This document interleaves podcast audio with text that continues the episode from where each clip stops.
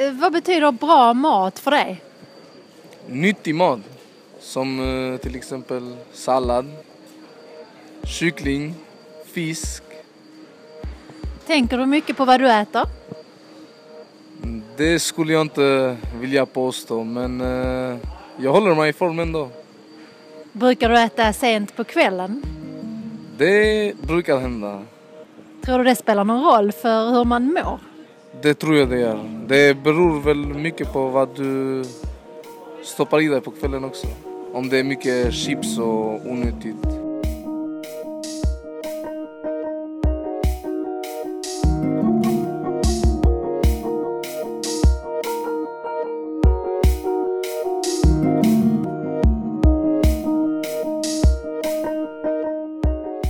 Spelar det egentligen någon roll vad vi äter? Och kan jag undvika sjukdom genom att äta nyttigare?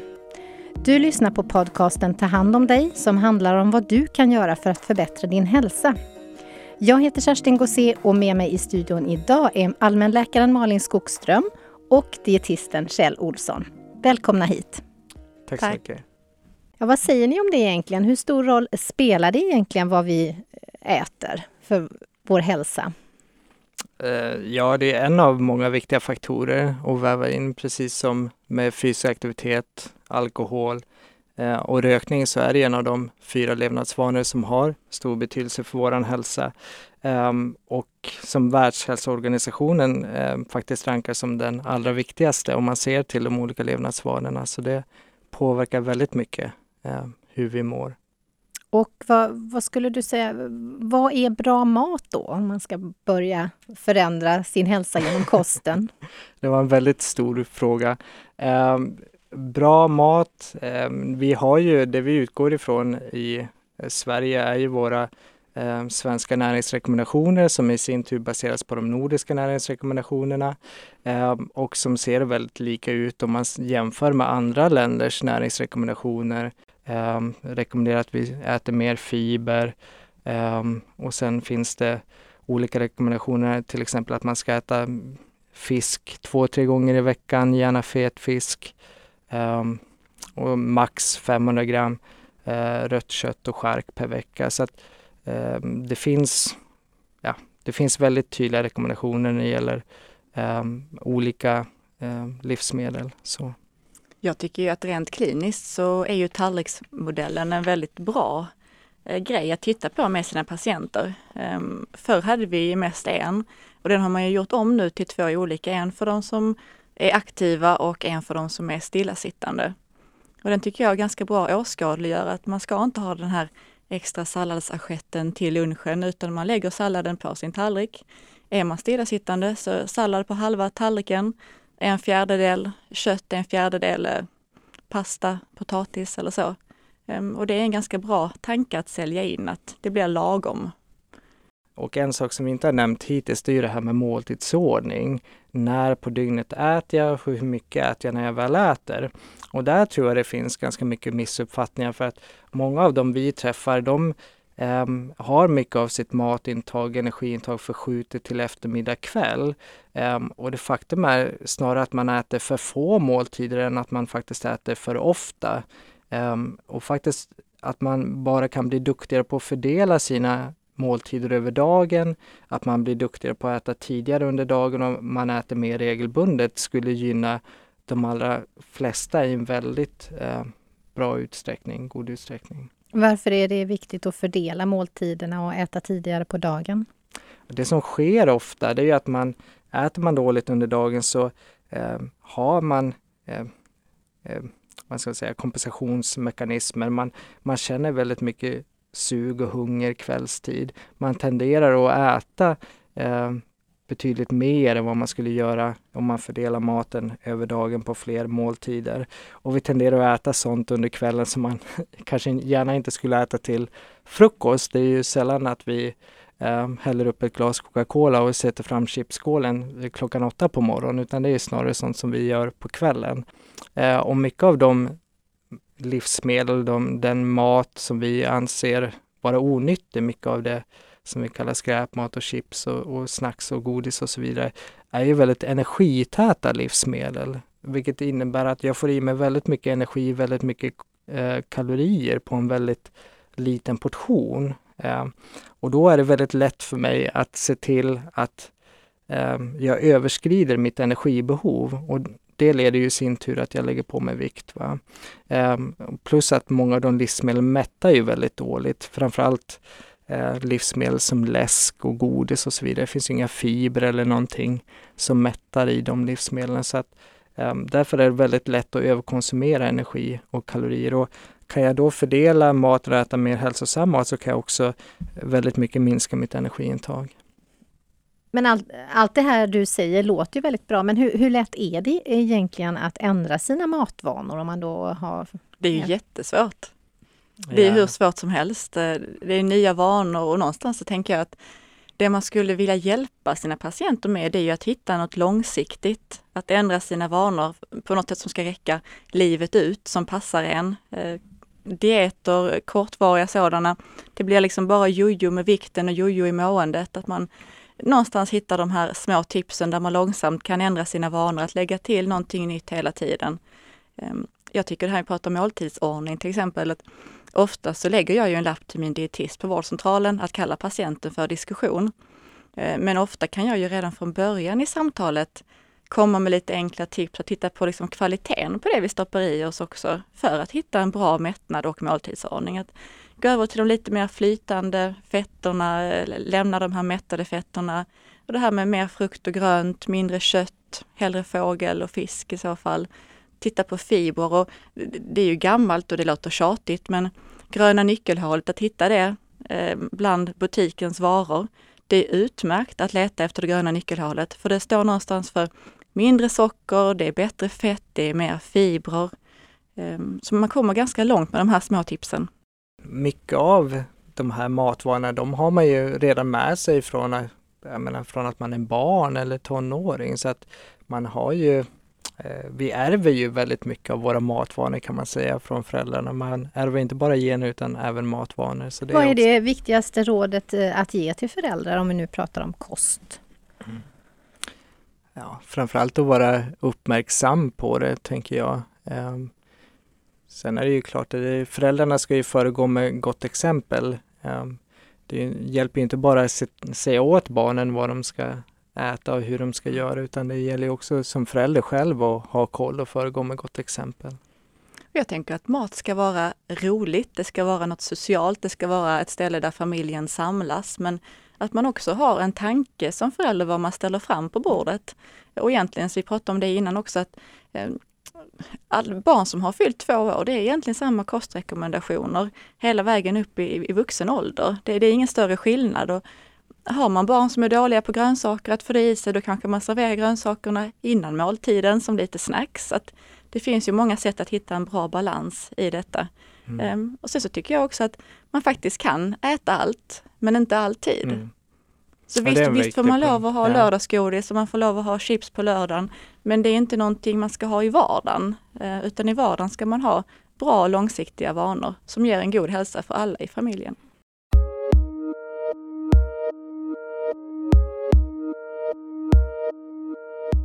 Tror du att det spelar någon roll för vår hälsa vad vi äter? Ja, det tror jag. Om jag eh, skulle säga att det är bäst att bara äta 500 gram charkuterivaror per vecka, vad säger du då? Då säger jag att det är för lite för mig personligen. Du tror du behöver mer kött? Jag vill ha mer kött. Vad jag behöver, det, det vet jag inte. Tror du det är nyttigt att äta kött?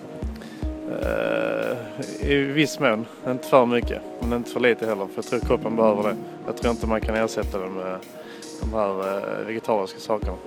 Vad tänker du när jag säger nyttig mat? Frukt och grönt. Äter du mycket frukt och grönt? Jag försöker, men inte alltid. Malin, du möter ju en hel del patienter som börjar få problem med sin hälsa, kanske på grund av eh, dåliga kostvanor. Vad säger du till dem? Oftast blir det ju en del i diskussionen av levnadsvanorna som helhet. Ehm, jag har ju haft många med mina patienter i tio år nu. De kommer på sina årskontroller och ehm, ibland når man fram någonstans i alla fall. Sen hoppas man ju, man vill ju gärna nå fram så tidigt i förloppet som möjligt innan det väl blir en sjukdom av att man inte riktigt har kanske levt så hälsosamt som man egentligen skulle vilja. Ehm, Folk drar på sig övervikt, blodtrycket stiger, man hamnar i en ond cirkel. Kroppen jobbar för fullt för att putta ut insulin i blodomloppet för att rensa undan socker, rensa undan fetter. Men sen blir kroppen insulinresistent och då har vi en diabetes. Nu pratar jag om typ 2-diabetes. Vilka sjukdomar riskerar vi att få som är kopplade till just hur vi har ätit tidigare i livet? Artros, hjärt-kärlsjukdomar, diabetes, högt blodtryck, cancer, demensutveckling. Alltså det finns oändligt många sjukdomar som jag kan koppla till kosten och levnadsvanorna överlag faktiskt. Och ju tidigare man eh, ändrar sina kostvanor till exempel. Då kan man ju helt skjuta upp ett, eller liksom, ja, man, kan helt, man behöver inte bli sjuk om jag formulerar mig så. Mm. Det kan vara det som skiljer en som får diabetes eller en som inte får diabetes. Varför är det så svårt att ändra sina kostvanor? Vanor är ju någonting som vi är uppväxta med från familjen från början, hur vi utvecklas sen som vuxna människor. Det handlar om tid, det handlar om motivation, mm. det handlar om eh, vårt sociala umgänge. Till viss del även om ekonomi. Ehm, mm. Vad har, vi, vad har vi råd att äta för mat? Har vi råd att gå på gymmet och träna? Har vi råd med en bra cykel för att kunna cykla till och från jobbet? Ehm, det är så många aspekter. Den är väldigt, en väldigt integrerad del av vårt liv är det ju. Så att när man pratar med, som dietist, när man pratar med en patient och man pratar kosten så man får reda på väldigt mycket om hela deras livssituation och det är ju för att maten och kosten är så väldigt knutet till hur min vardagssituation och hur mitt liv ser ut. Så att det är ju integrerat i allting vi gör under en dag. Om man nu tittar på den här hälsosamma kosten, äta mycket frukt och grönt, så är det ofta dyrare än eh, läsk och godis. Har alla råd att äta hälsosam mat? Ja, det har alla råd att göra. Men ibland behöver man kanske lite tips och lite råd på vägen av en dietist inom primärvården till exempel, för att just hitta de billiga, bra matvarorna. Ehm, under vintern kanske man inte hittar så mycket billig frukt och grönt, men då har vi frysdisken. Där finns alldeles utmärkta produkter att köpa som håller samma näringsinnehåll som färsk frukt och grönt. Mm. Det är alltså lika nyttigt att äta frysta grönsaker som färska? Absolut. Ibland till och med ett bättre näringsinnehåll. Sen är det ju, när det gäller livsmedel och mat så är det ju trender där precis som allt annat och där kan det ju komma några nya livsmedel och nya ja, något nytt superbär eller vad som helst va, som kan bli väldigt upphåsat och eh, nya livsmedel som är betydligt dyrare än där man kanske ja, med andra livsmedel kunde, skulle kunna äta minst lika hälsosamt fast mycket billigare. Och var får jag tag i den här informationen om jag nu kanske inte har tid eller motivation att gå till en dietist? Ja, om man nu vill verkligen hitta information man kan lita på så borde, kan man gå in på slv.se, Livsmedelsverkets hemsida, för det, där är ju de eh, näringsrekommendationer som baseras på den forskning vi har idag och det är ju de rekommendationer vi utgår ifrån i Sverige. Och 1177 är också en bra eh, informationskälla om man vill söka mer information om sina levnadsvanor och vad man kan göra själv. Mm. Sen måste jag säga att det här lite med kostnad och tid, att eh, ibland behövs det bara lite hjälp på traven att kanske hitta grönsaker och grönsaksblandningar som man kan göra färdigt som räcker några dagar framåt. Man kanske inte behöver stå och hacka och göra nya grönsaker varje dag. Det håller sig fint i kylen. Vad tänker du på då? Nej, men jag tänker som med kålsallad, olika bönsallader. Att det, eh, där finns ju mycket som man kan göra i förväg och som håller flera dagar. Det behöver inte vara den här stressen med att få fram något nytt till varje middag. Mm. Så det är viktigt att tänka också på det att även om vi har eh, olika rekommendationer idag som anger olika eh, mängd och så vidare så att det viktiga det är ju faktiskt att göra en förändring till det bättre och eh, när vi pratade om det här med vanor tidigare att kanske bättre för mig att ta små steg, att göra små förändringar i rätt riktning än att känna att jag behöver gå all in så att säga. Utan allting som jag gör som är en förbättring av mina matvanor är ju positiv. Vad skulle det kunna vara konkret som man skulle kunna ge som ett allmänt bra råd? Ta bort det här. Vet jag med mig själv att jag dricker väldigt mycket sockerhaltig läsk, ja men då kan det vara ett steg att börja minska på det. Kanske dricka mer vatten istället till exempel. Är jag dålig på att äta grönsaker, ja men jag kanske kan hitta grönsaker som eh, passar mig bättre. Eh, vet jag att jag inte äter frukost till exempel, kan jag försöka börja äta någonting på morgonen som gör att jag ändå kan förbättra min måltidsordning lite grann.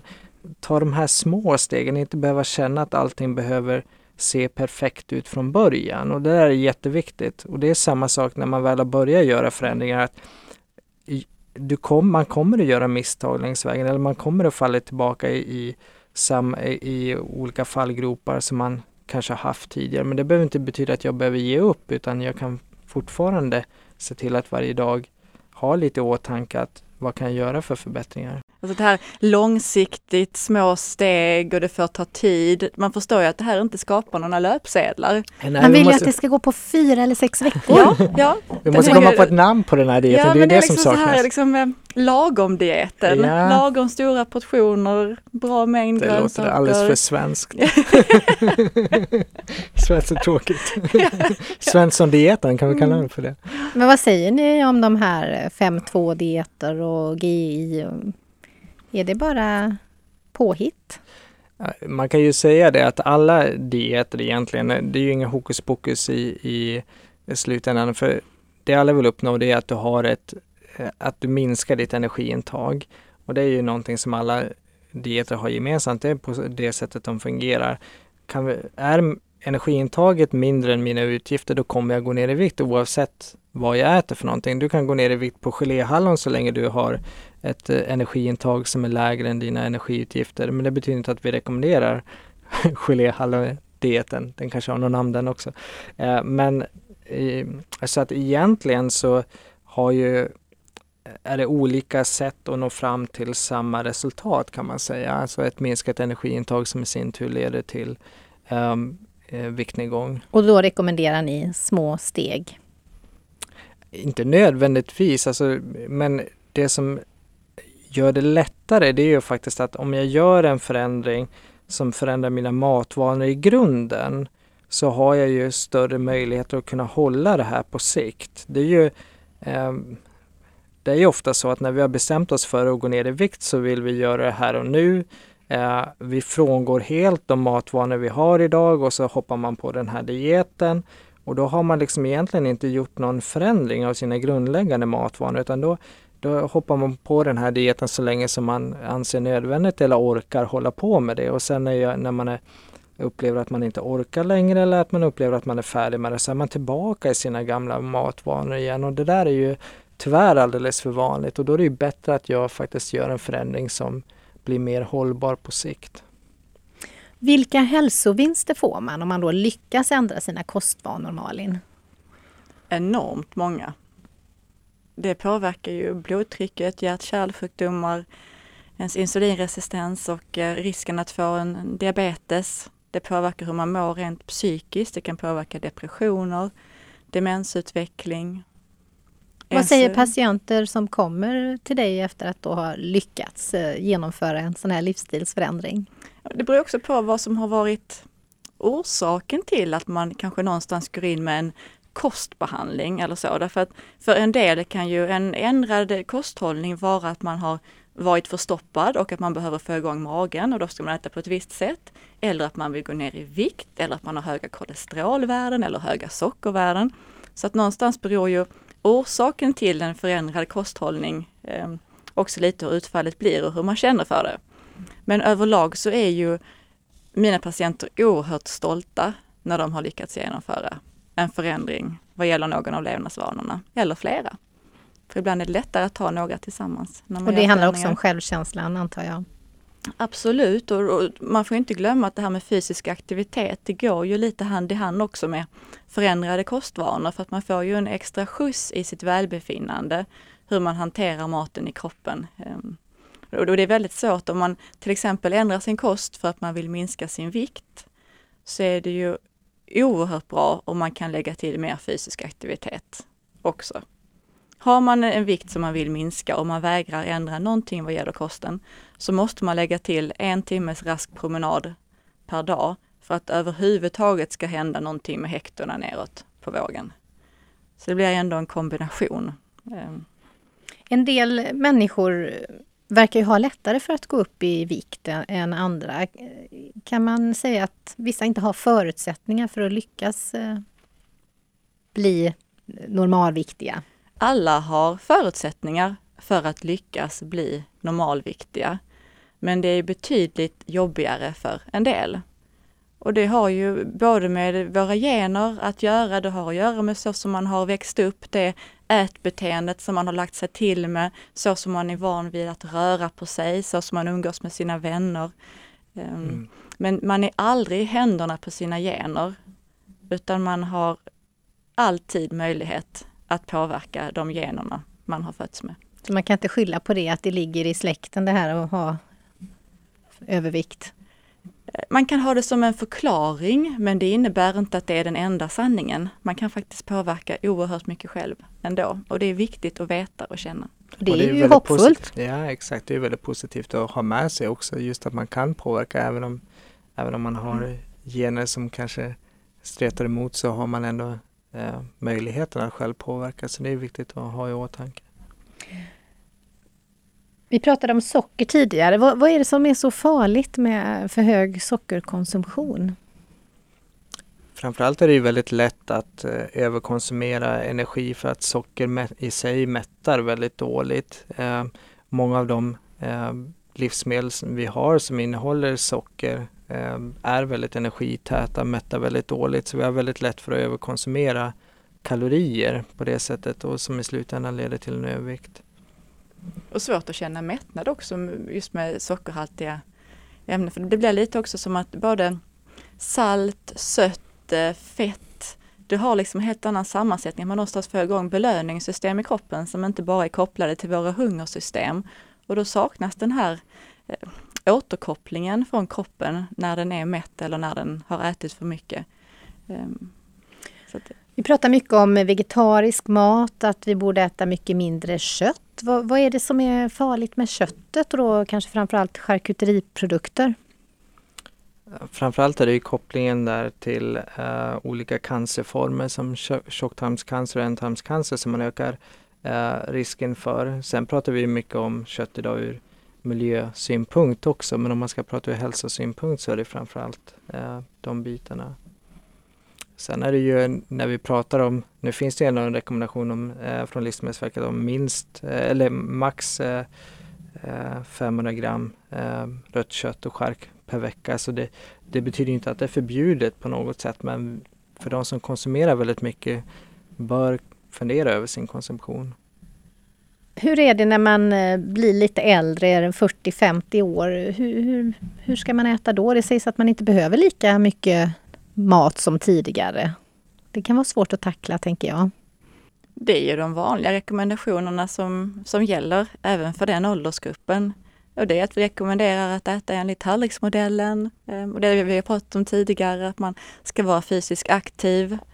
Är man över 65 ska man ju även lägga till någon form av balansträning och någon form av mer eh, liksom, att gå på gymmet, styrketräning eh, i det. Så att, men det är ju inte något som är helt speciellt för den åldersgruppen egentligen. Men är det så att eh, ämnesomsättningen går ner när man blir eh, medelålders, så att man borde äta mindre då? Det går ner eh, lite grann. När vi har ju minskad muskelmassa med, med åldern också. Muskelmassa påverkar ehm, eh, energibehovet, energiomsättningen. Eh, sen är det ju så, eh, det är framförallt då man kanske blir uppmärksammad på att man bör, behöver tänka över mer vad man äter för att det är oftast då som det här med eh, övervikt och fetma börjar komma. Det är ju en betydligt högre förekomst i den åldersintervallet och det är kanske då man blir mer påmind om att man behöver tänka mer på vad man äter. Men om, om jag nu är eh, smal och slank och eh, äter skitmat, är det något problem med det? Ja, det är det absolut det handlar ju, allting syns ju inte på utsidan. Det finns ju många slanka människor som kommer med otroligt dåliga sockervärden till mig på vårdcentralen eller med väldigt höga kolesterolvärden.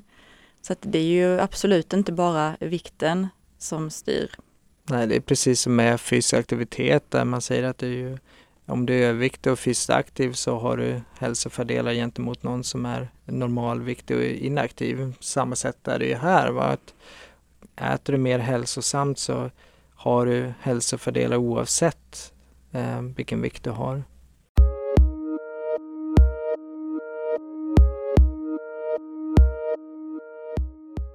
Tränar du? Eh, försöker. Tänker du mycket på vad du äter efter att du har tränat? Eh, både och. Eh, inte så mycket som jag borde kanske men eh, försöker i alla fall lite. Skulle du säga att du har bra matvanor? Hyfsade ska jag säga. Kan bli betydligt bättre men eh, de är inte helt åt helvete heller. Skulle du säga att du har bra matvanor? Ja, Vad innebär det för dig? protein, kolhydrater och fett. Är du, tränar du mycket? Yes, typ sex dagar i veckan.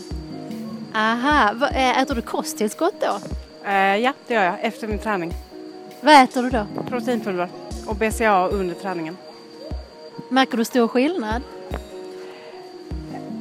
Nej, det tror jag inte utan det är väl mer eh, en mättnadskänsla och eh, just efter man har tränat så så att man får i sig något snabbt. Tror du man kan träna mycket och eh, bara äta vanlig mat? Ja, det tror jag. Om du äter rätt mat. Hur ställer du dig Kjell till proteintillskott till exempel för de som tränar väldigt mycket? Man ser ju väldigt mycket olika eh, produkter idag. Jag tror det säljs ganska mycket av de olika kvarg och proteinpuddingar och gud vet vad allt vad det heter.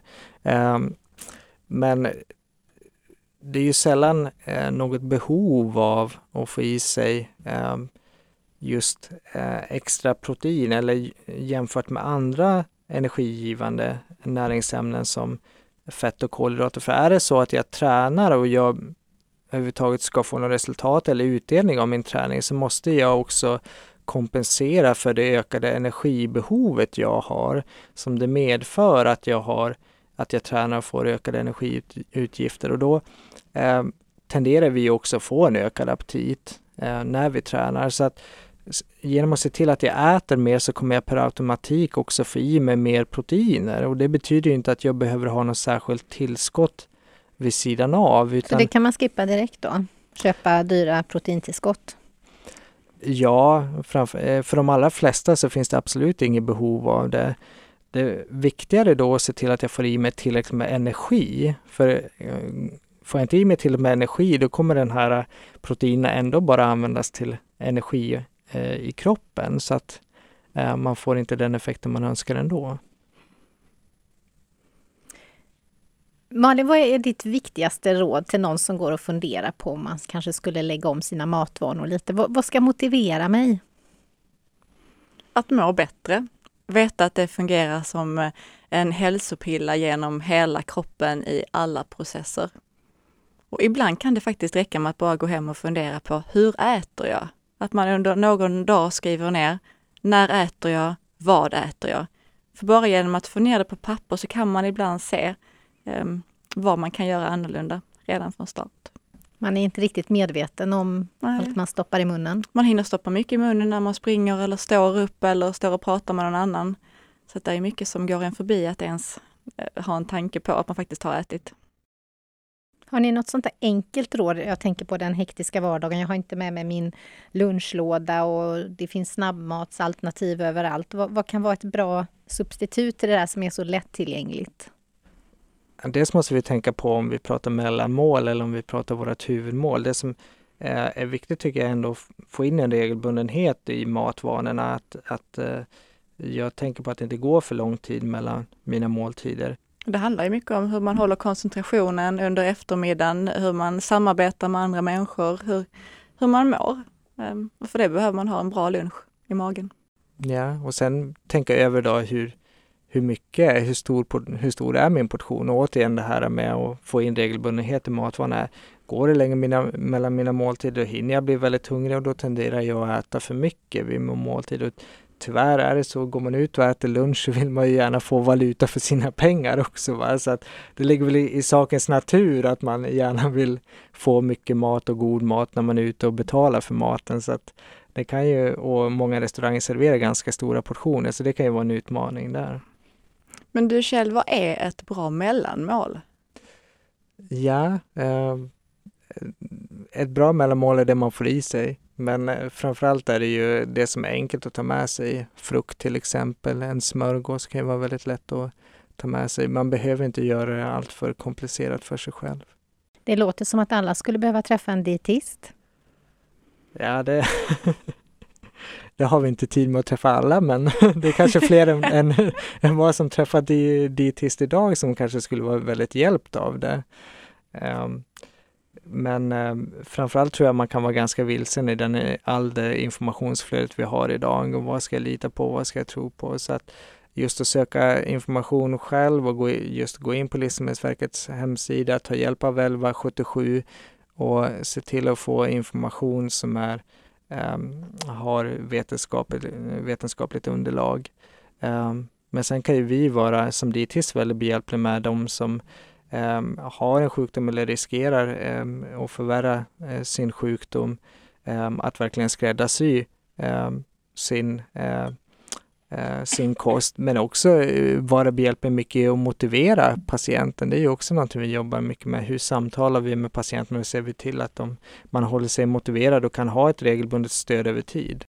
Där kan man också säga att om man vill förebygga sjukdom så har man jättemycket att vinna på att lägga om sin kost och har man en sjukdom så har man också jättemycket att vinna på att lägga om sin kost. Du har lyssnat på Ta hand om dig som idag handlat om våra matvanor och hur du med ibland ganska små medel kan skapa en förändring som förbättrar din hälsa. Tack för att ni kom hit idag Malin Skogström och Kjell Olsson. Tack, Tack så mycket. Och på 1177.se finns mer information, råd och stöd kring dina levnadsvanor som kost, hälsa och motion.